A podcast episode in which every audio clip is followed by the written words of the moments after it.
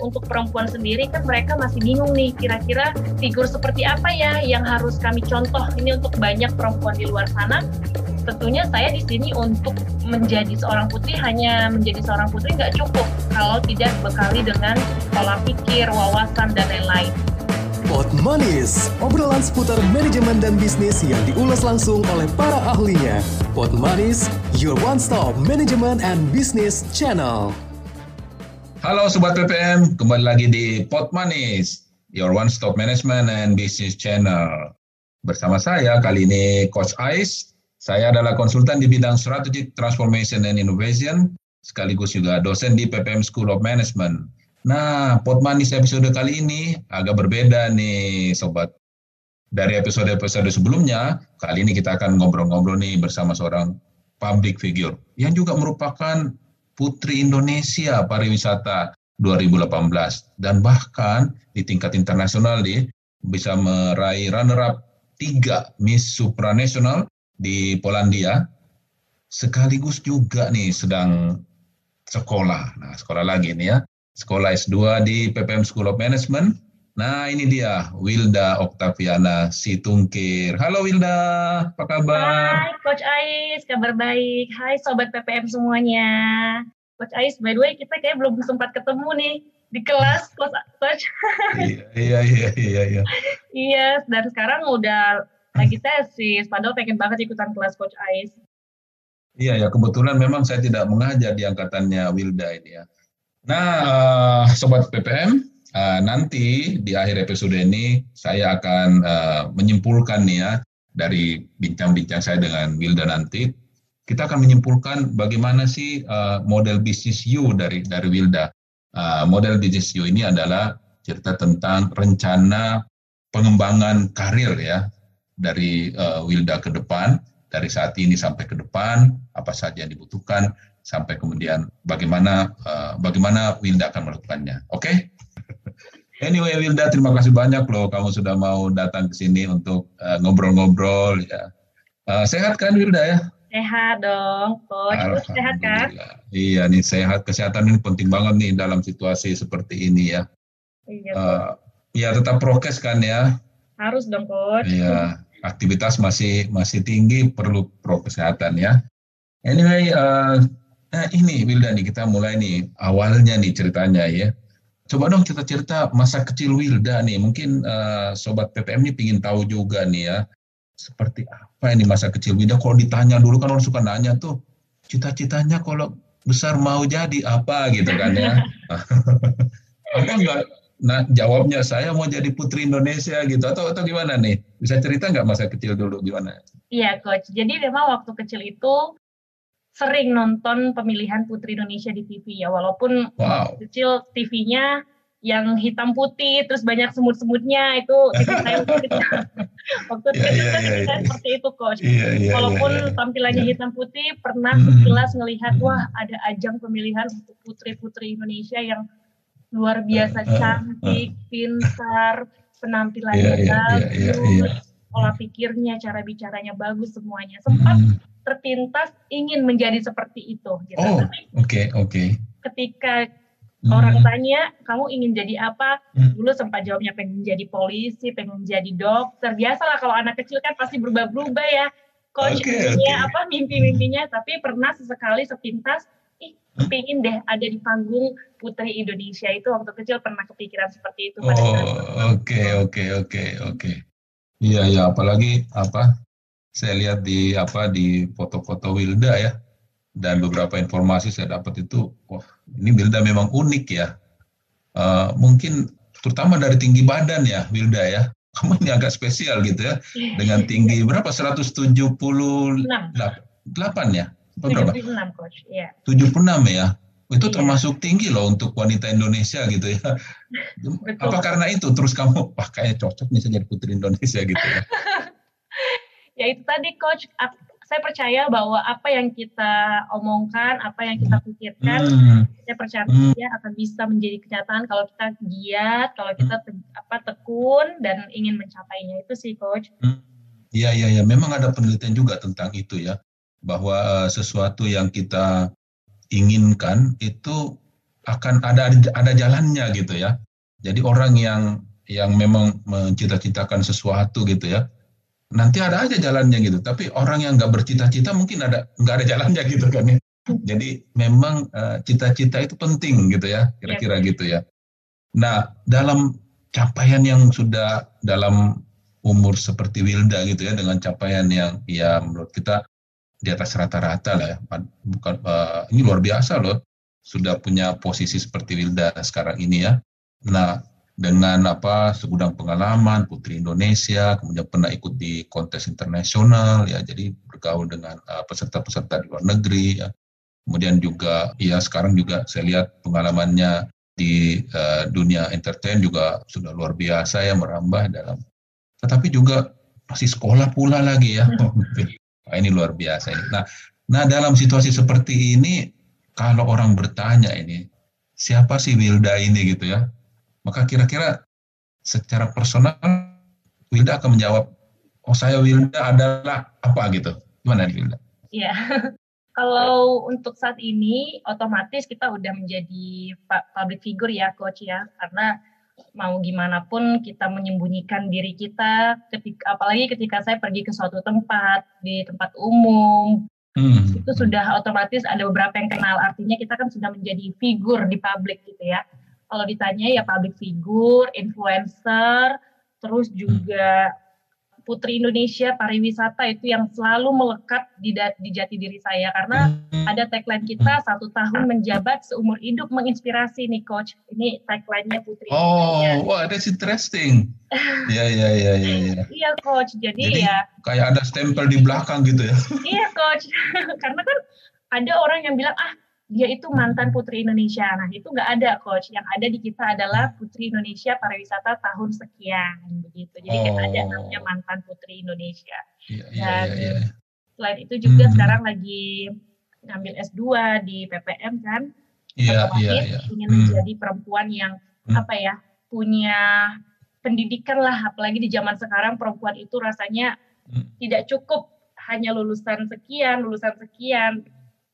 Karena at the end of the story kita akan menjadi seorang ibu goalsnya nanti gitu coach aku ingin punya keturunan punya anak-anak yang apa namanya dapat pengalaman mendapatkan pendidikan dari orang tuanya terlebih dahulu sebelum dia ke lingkungannya nanti jadi ingin sekali menyelesaikan S2 ini kebetulan dapat sponsor juga dari Yayasan Putri Indonesia bekerja sama dengan PPM. Ya, Wah, kesempatan hmm. emas nih buat saya untuk melanjutkan Oke, oke. Okay. Gitu, coach. Iya, ini menarik sekali ya bahwa seorang putri Indonesia tidak hanya berpikiran jangka pendek, tapi juga uh, panjang ya, melihat bahwa ya toh nanti kita akan menjadi ibu rumah tangga juga, dan kita akan punya anak, turunan, dan saya ingin sayalah yang mendidik anak saya gitu ya. Itu uh, luar biasa ya dari, dari dari apa masih muda seperti sekarang sudah berpikiran panjang seperti gitu ya. Nah, uh, Wilda, dengan posisi dan uh, pengalaman pengetahuan yang begitu uh, banyak yang dimiliki ya. Kira-kira apa apa sih hal spesifik yang bisa Wilda lakukan gitu ya uh, secara personal yang mungkin akan menjadi sesuatu yang spesial ya buat uh, mungkin sekelompok masyarakat tertentu ya? Apa ya uh, dalam dalam pikiran Wilda ya karena kan banyak sekali pekerjaan gitu apalagi putri itu banyak banget yang bisa dilakukan gitu ya Nah, Wilda ya. akan fokus di mana nih secara personal ke depan? Nah, untuk saat ini dan ke depannya pastinya ingin mengedukasi khususnya anak-anak muda, perempuan, anak-anak seperti itu ya Coach. Kita banyak sekali kegiatan-kegiatan sosial yang menggandeng kementerian untuk memperkenalkan pariwisata, kita menggandeng Kementerian Pariwisata, untuk hmm. menggandeng Kementerian Lingkungan Hidup, kita membahas tentang lingkungan hidup, anak-anak kita bergandengan tangan dengan KPAI untuk perempuannya juga seperti itu. Dan di sini kita ada untuk menjadi role model gitu ya, coach ya. Tentunya fokus ke anak muda zaman sekarang yang mereka ini sebenarnya butuh juga nih figur atau role model yang punya pengalaman karena zaman sekarang ini apa ya banyak yang meng apa memarketkan dirinya sebagai public figure untuk anak muda tapi dia tidak punya pengalaman. Nah, itu banyak banget zaman sekarang yang bilang aku adalah ini ini ini padahal tidak punya pengalaman. Nah, itu yang harus kita lihat sekarang bahwa ada loh figur yang kalian bisa lihat dengan pengalamannya, dengan tindakannya, dengan apa yang udah dilakukannya seperti itu. Dan yang pasti untuk perempuan sendiri kan mereka masih bingung nih kira-kira figur seperti apa ya yang harus kami contoh ini untuk banyak perempuan di luar sana. Tentunya saya di sini untuk menjadi seorang putri hanya menjadi seorang putri nggak cukup kalau tidak dibekali dengan pola pikir, wawasan dan lain-lain. Nah, di sini saya ada untuk women empowerment. Kita juga di Yayasan Putri Indonesia punya visi dan misi untuk pemberdayaan wanita yang di mana kita itu harus bisa menjadi dampak di mana pun kita berada nih coach. Jadi uh, setelah itu juga dengan adanya saya di publik kita punya hmm. title Putri Indonesia, kita punya power nih untuk speak up misalnya tentang perempuan, misalnya tentang anak-anak, misalnya tentang anak muda zaman sekarang yang harus meraih mimpi di bidang apa pun, mengembangkan talenta yang ada di dirinya, mengembangkan hmm. potensi yang ada di dalam dirinya, tapi masih takut, masih belum percaya diri. Nah, itu kita di sini ada untuk itu. Melalui apa? Melalui platform kita, media sosial, Instagram, Twitter, Facebook, TV, dan juga kalau bisa kita secara personal bisa saling tukaran WhatsApp dan situ kita bisa saling sharing karena masih banyak nih coach yang sering DM yeah, yeah. di Instagram Kak Wilda kasih tahu dong tips confidence dari kakak. Kak Wilda hmm. kasih tahu dong gimana cara menghadapi bullying yang saat ini lagi happening nih coach. Jadi memang benar-benar kita di sini ada untuk itu sih. Walaupun tidak spesifik kayak apa namanya spesifik face to face tapi kita ada di sini melalui media sosial. Gitu sih coach. Ya ya emang saya baca juga sih di media media sosial ya. Tadi kata bullying tadi ya. Iya Yuda sendiri uh, itu kan ya saya baca baca kok uh, pernah dibullying juga gitu ya uh, maaf ini tapi katanya karena apa namanya uh, tapi ada juga nih jadi saya ulangin aja ya apa yang ada gitu ya supaya bisa dijelaskan juga ya, bagaimana menghadapi bullying yang sifatnya apa ya fisik gitu ya Iya kok. Tadi misalnya tinggi gitu kan, padahal bagus loh tinggi gitu. Terus katanya apa hitam, tapi saya nggak tahu nih kalau hitam ini apa benar hitam gitu ya. tapi kan hitam juga oke okay gitu ya. Tapi iya, rupanya dia menjadi sasaran bullying juga nih Wilda. Ini gimana nih Wilda ma, ma, apa tetap positif gitu ya? Iya.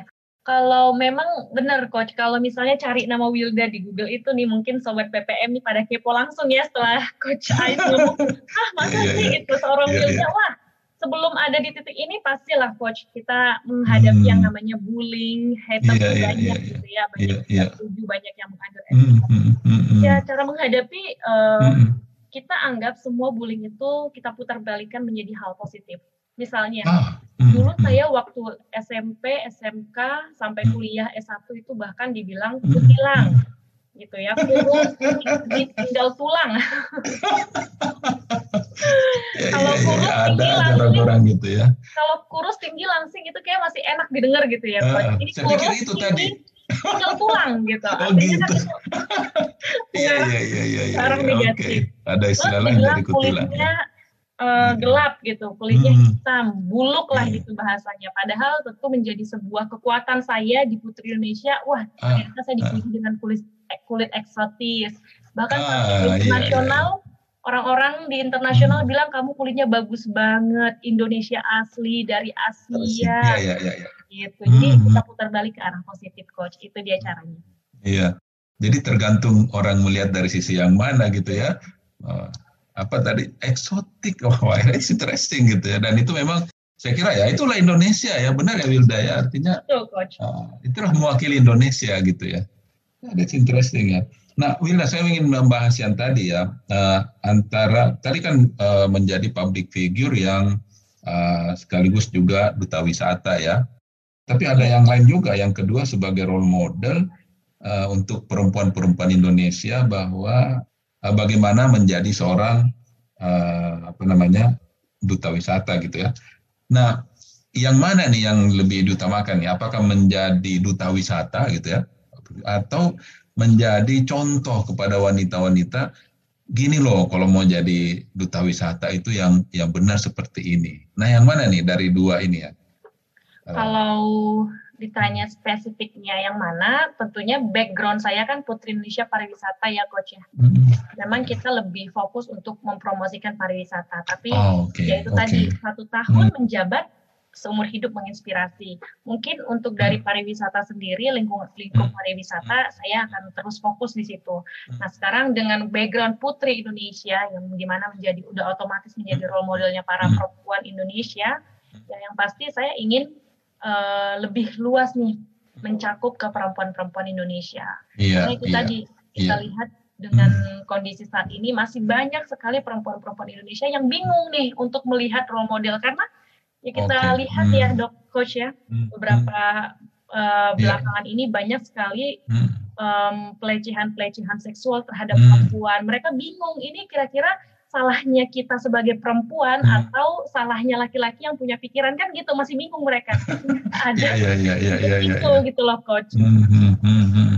Iya, jadi memang harus ada contoh gitu ya, contoh bagaimana role model yang uh, yang apa namanya uh, apa terhadap bullying itu tadi bisa bisa dihadapi dengan baik dan juga bisa menempatkan dirinya dengan uh, dengan sangat baik gitu ya sehingga kesan-kesan tadi uh, apa namanya ya uh, bisa dipandang dari sisi yang negatif tadi itu bisa bisa bisa dihindari gitu ya. Iya. Uh, ya memang kita tidak apa namanya ada antara telur dengan ayam gitu mana yang lebih duluan sampai kaum pria punya pikiran macam-macam gitu kan. Iya betul coach. Iya iya ya. that's interesting ya. Jadi uh, tadi ya uh, public figure uh, public figure dengan uh, duta duta wisata ya sebagai duta wisata. Nah kalau sebagai duta wisata ini kan pasti banyak juga kegiatannya ya. Nah kira-kira uh, siapa nih uh, target target apa namanya utama ya yang akan uh, menjadi sasaran untuk menjelaskan tentang wisata Indonesia ini ya. Ada ada ada ada segmen tertentu tertentu nggak yang uh, Wilda akan uh, lebih fokus gitu sebagai duta wisata Indonesia gitu. Iya coach. Um, memang kalau kita lihat ya pariwisata di Indonesia itu kan banyak dan beragam ya coach ya. Iya, Apalagi betul. dari Kementerian Pariwisata punya hmm. agenda proker gitu 10 Bali hmm. baru. Nah, salah satu dari 10 Bali, Bali baru destinasi ini ada daerah saya nih, Coach, Danau Toba gitu misalnya. Saya dari daerah Batak, dari tanah Batak ya tentunya punya kesempatan besar untuk mempromosikan pariwisata yang ada di Indonesia, khususnya Danau Toba. Kalau ditanya uh, spesifikasinya ya bersyukur selama ngejabat Putri Indonesia uh, eh, 2018 kemarin kita sempat banyak sekali eksplor pariwisata, tidak hanya islands-nya, tidak hanya uh, museumnya, tidak hanya tempat-tempat bersejarah, tapi kulinernya kita benar-benar angkat di setiap daerah punya kuliner yang bahkan orang masih nggak tahu.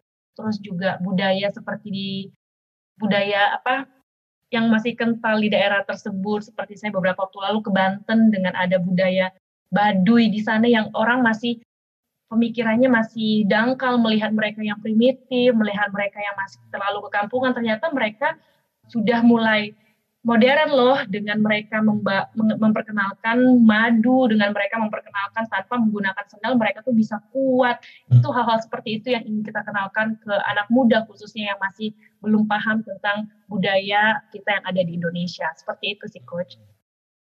Anak muda tadi uh, dalam dan luar negeri kira-kira gitu ya. Betul. Uh, jadi lebih anak muda, uh, jadi orang-orang muda yang mungkin pemahamannya tentang eh, tempat-tempat indah wisata di Indonesia itu masih masih kurang ya. Kira-kira itu yang menjadi target uh, Wilda ya.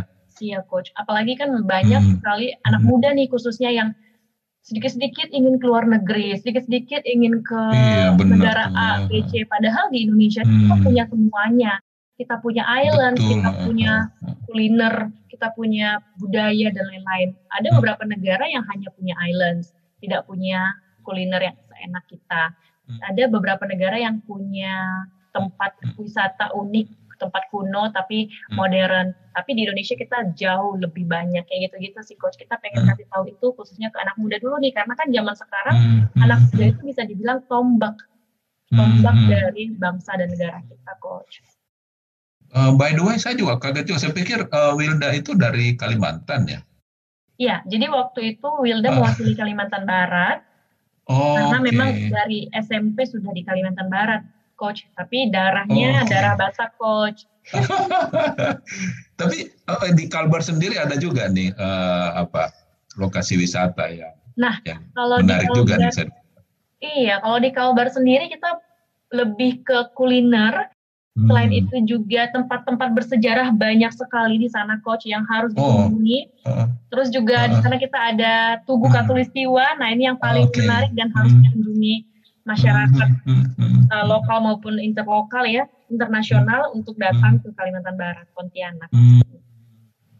Iya, karena apalagi di situ kalau nggak salah juga ada tempat di mana kita bisa apa perbatasan gitu ya. Menarik juga tuh mungkin mengunjungi perbatasan gitu ya. itu sekali coach. Iya iya iya. Samanya orang cuma kenal Singkawang aja tuh ini Kalimantan Barat ya. Iya Singkawang juga. Uh, jadi harus dikenalkan juga yang lain-lain ini ya selain iya uh, coach. Singkawang aja gitu ya. Uh, Oke okay, nih, jadi uh, Danau Toba dan apa tuh? Jadi pokoknya wisata-wisata uh, dalam negeri lah ya mengenalkan itu kepada anak-anak muda. Nah, ini nih menarik nih memang benar tuh anak muda sekarang banyak yang sedikit ke Singapura lah gitu ya negara-negara itu. Ada yang bilang ah, lebih murah gitu ya tapi belum tahu nih di Indonesia itu uh, banyak gitu ya. Nah terkait dengan anak-anak muda tadi ini ya uh, supaya dia uh, mau gitu ya melihat juga keindahan alam Indonesia gitu ya. Apa ini? Uh, menurut Wilda kenapa sih kok masih keluar negeri? Apa yang yang bisa merubah ini merubah mindset mereka supaya iya ternyata negara saya juga jauh lebih indah daripada yang sono gitu kan. Apa yang bisa dilakukan menurut menurut menurut Wilda? Iya, jadi memang kalau kita lihat tugas dari maaf program dari Kementerian Pariwisata, kita lihat hmm. kan mereka sekarang lagi genjar-genjarnya memperkenalkan digital destination yang di mana hmm. uh, semua yang dilakukan Kementerian Pariwisata itu sudah serba digital gitu apa-apa hmm. semua diupload di media. Nah, ketika kementerian pemerintah sudah memberikan wadah ini, harapannya ya anak muda ini bisa lebih aware dan lebih peka. Oh, ternyata di Indonesia tuh ada loh tempat yang bagus seperti ini misalnya di Labuan Bajo Nusa Tenggara Timur hmm. misalnya ada Kepulauan Seribu deh yang Jakarta yang dekat hmm. dengan kita gitu kan gitu loh jadi harapannya ya teman-teman di sini apalagi sobat PPM nih selain gila-gila belajar kita ini gitu kan. Mana tahu yang ada mau nge-refreshingkan otak pikiran dari Keriuk Pikukan Jakarta ada tempat destinasi yang terdekat dari tempat kita yaitu di Kepulauan Seribu seperti itu. Kalau mau liburan lagi yang lebih uh, tenang lagi jauh dari Keriuk Pikukan ada Labuan Bajo ada Nusa Tenggara Barat Mandalika terus juga kalau suka dengan sejarah tempat-tempat hmm. unik peninggalan sejarah kita di Gunung Bromo Candi Borobudur di Jawa Tengah. Nah, seperti itu sih coach. Jadi memang kita di sini lebih ke anak muda dulu nih karena dari anak iya, muda iya, sampai iya. ke orang tuanya pergilah hmm, mereka dengan teman-temannya iya. dengan keluarganya. Iya, ada interesting. Tadi apa uh, digital expedition apa digital apa tadi saya agak ini?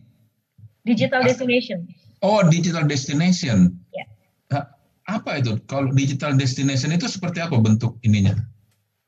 Ya, jadi di kementerian itu ada namanya digital destination itu di mana mereka lebih fokus ke apa namanya social media gitu loh. Jadi oh, oke, okay. jadi mengenalkan mengenalkan lokasi-lokasi wisata itu tadi dengan uh, secara digital ya. Iya dari website, dari, dari website. Blog, oh, mm-hmm. gitu. YouTube juga seperti itu. Iya, masih banyak tuh yang belum di, dikenalkan ya tempat-tempat itu ya padahal udah kita ini punya berapa provinsi ya.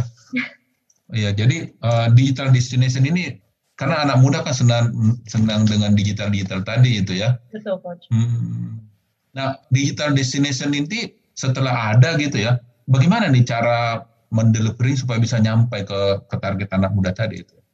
Ya, kita lihat ya kalau zaman sekarang tuh kayaknya anak muda nggak ada yang nggak punya Instagram. Nah, dari generasi milenial ke generasi Z itu udah pasti semuanya punya Instagram. Ya, coach ya.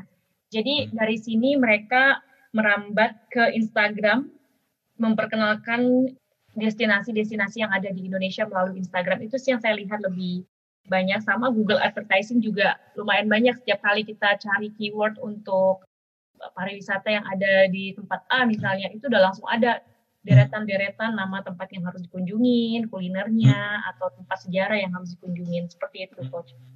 Oke, okay, uh, eh, uh, setelah mereka menjadi anak muda tadi ini tertarik gitu ya dengan tadi dengan melalui media segala macam ya.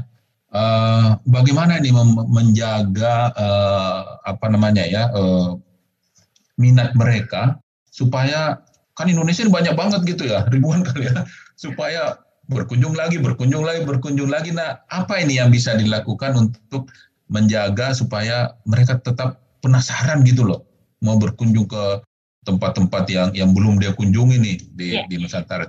Apa yang sebaiknya dilakukan ya Wilda? Nah ini menarik nih, ini pertanyaannya kayaknya Coach Ais ini cocok nih kalau dijadikan juri Putri Indonesia ini. Waduh.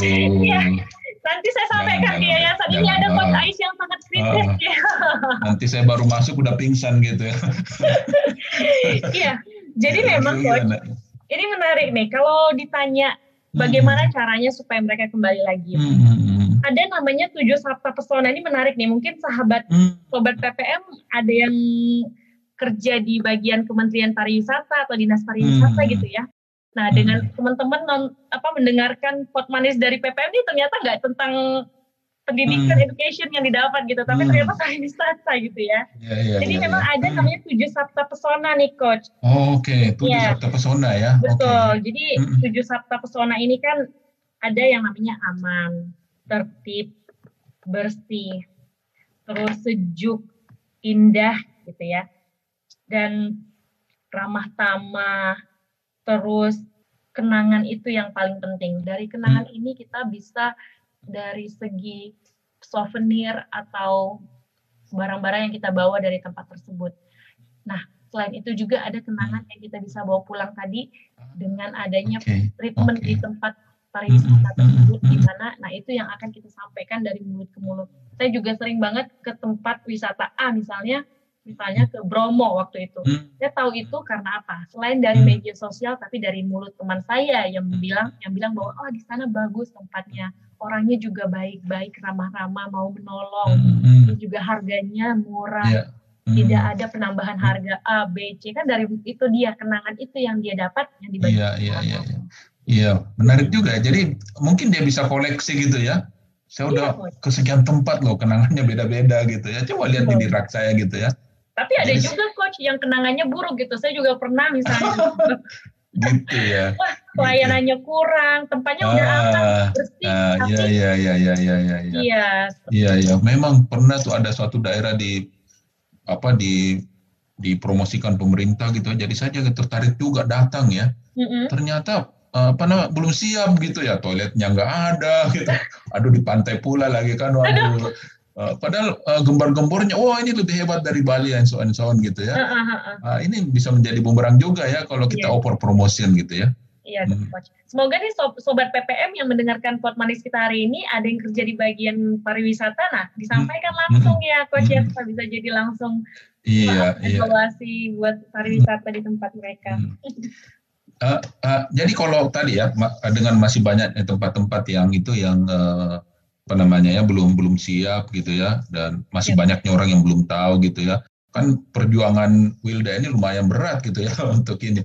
Nah menurut Wilda nih siapa aja nih yang bisa membantu mensponsori atau menolong gitu ya supaya apa niat baik Wilda untuk mengenalkan Indonesia ini kepada anak-anak muda ini kira-kira uh, dari mana nih yang yang harapannya bisa bisa mempercepat nih uh, misi Wilda untuk itu?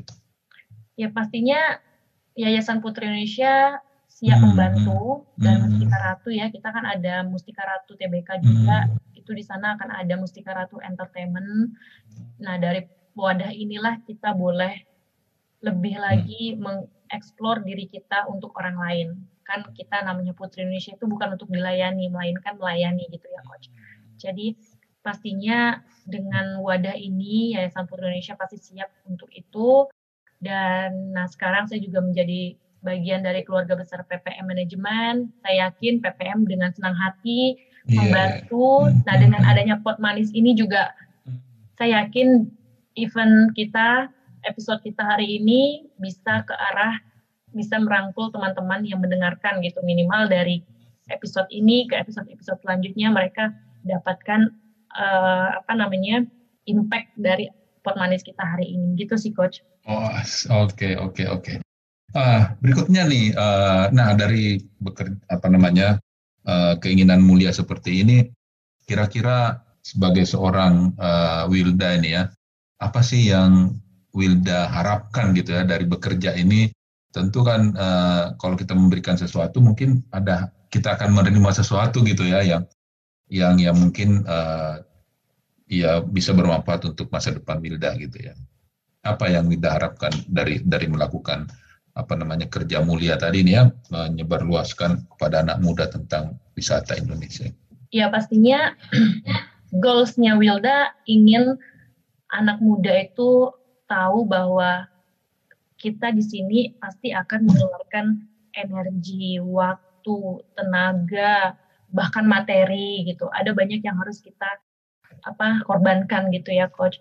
Nah, harapannya ya pasti dengan adanya tindakan-tindakan kita seperti ini kita lebih didengar lagi sama banyak orang khususnya perempuan-perempuan sampai ke pelosok, anak-anak sampai ke pelosok.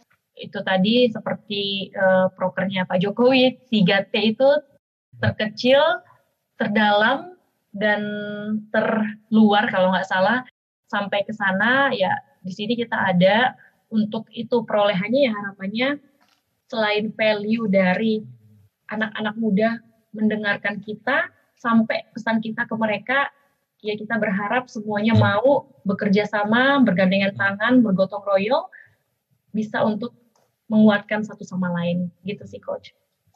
Oke, okay, anyway, uh, terima kasih banyak. Uh, jadi uh, apa namanya, sobat TPM, saya tadi mewawancarai uh, Wilda, itu sebenarnya menggunakan framework yang kita sebut sebagai model U, ya, suatu model di mana kita itu bisa uh, merancang masa depan kita. Jadi kita secara sistematis membuat suatu uh, sistematika apa yang saya miliki dan apa yang saya bisa berikan kepada kepada target target tertentu gitu ya.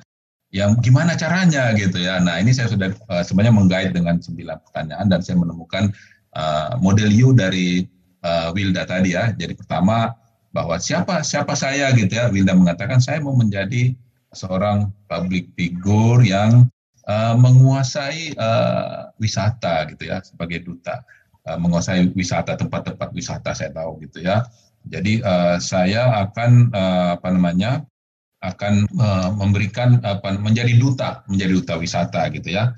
Kemudian saya akan melakukan uh, kepada siapa gitu ya nah tadi disebut targetnya adalah kepada anak muda gitu ya. Kemudian apa saja yang yang bisa bisa di, di, dilakukan gitu ya kepada uh, anak muda tadi itu ya.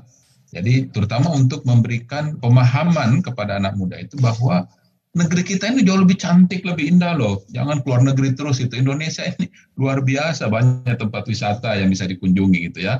Jadi memberikan uh, value itu, memberikan pemahaman kepada anak muda. Coba lihat negeri kamu sendiri gitu ya. Kemudian tadi saya tanyakan gimana caranya supaya bisa dilakukan dan itu dijawab dengan uh, digital destination. Nah, ini menarik juga ya. Jadi menjelaskan tempat-tempat wisata itu secara digital karena anak muda ini uh, nontonnya digital gitu ya jadi melalui apa yang mereka tonton gitu ya dan uh, medianya apa gitu ya medianya melalui uh, Instagram dan Google Advertising kemudian bagaimana supaya anak muda itu uh, akhirnya betah gitu ya sudah berkunjung ke satu tempat nanti ke tempat-tempat yang lain lagi gitu ya tadi dijawab dengan ada tujuh sabta pesona tadi ya aman, bersih, sejuk, indah sampai kemudian ada uh, kenangan sehingga nanti anak muda itu mengumpulkan banyak kenangan gitu ya, mengoleksi kenangan gitu ya. Kemudian berikutnya adalah siapa saja yang bisa bisa membantu program dari yang dilakukan Indonesia tadi ini ya. Tadi disebut ada Ratu Entertainment sebagai uh, di mana yayasan yang banyak membantu Wilda di dalam pengembangan karir ya. Kemudian Yayasan Putri Indonesia, eh, sobat-sobat PPM semua ya, keluarga PPM dan keluarga dari uh, pendengar pot manis ini bisa membantu kalau tertarik dengan uh, dunia wisata nah nanti bisa bisa follow Instagram dari dari Wilda ya.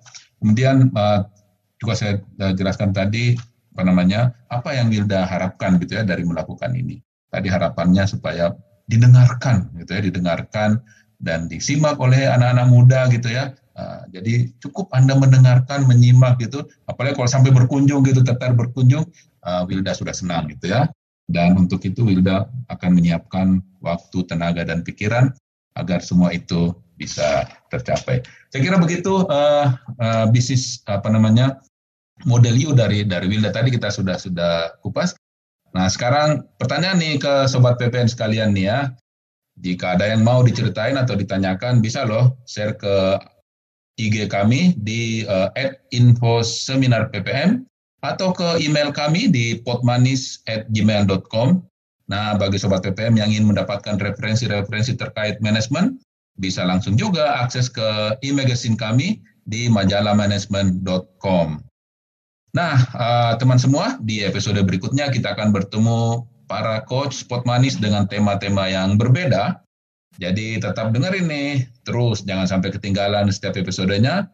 Terima kasih Sobat PPM semua, Spot Manis, your one stop management and business channel. Wilda, terima kasih banyak loh, kamu sudah sangat biasa. Insya Allah menjadi ibadah buat Wilda, tetap jaga kesehatan ya. Terima kasih Coach. Sukses buat Wilda. Sobat PPM juga, bye-bye. Bye-bye Sobat PPM Wilda. Hey hey hey, jangan lupa follow akun sosial media kami di Instagram at info seminar PPM dan juga Facebook publikasi dan seminar PPM. Untuk saran dan pertanyaan seputar Pot Manis, Sobat PPM bisa email ke potmanisppm at gmail.com.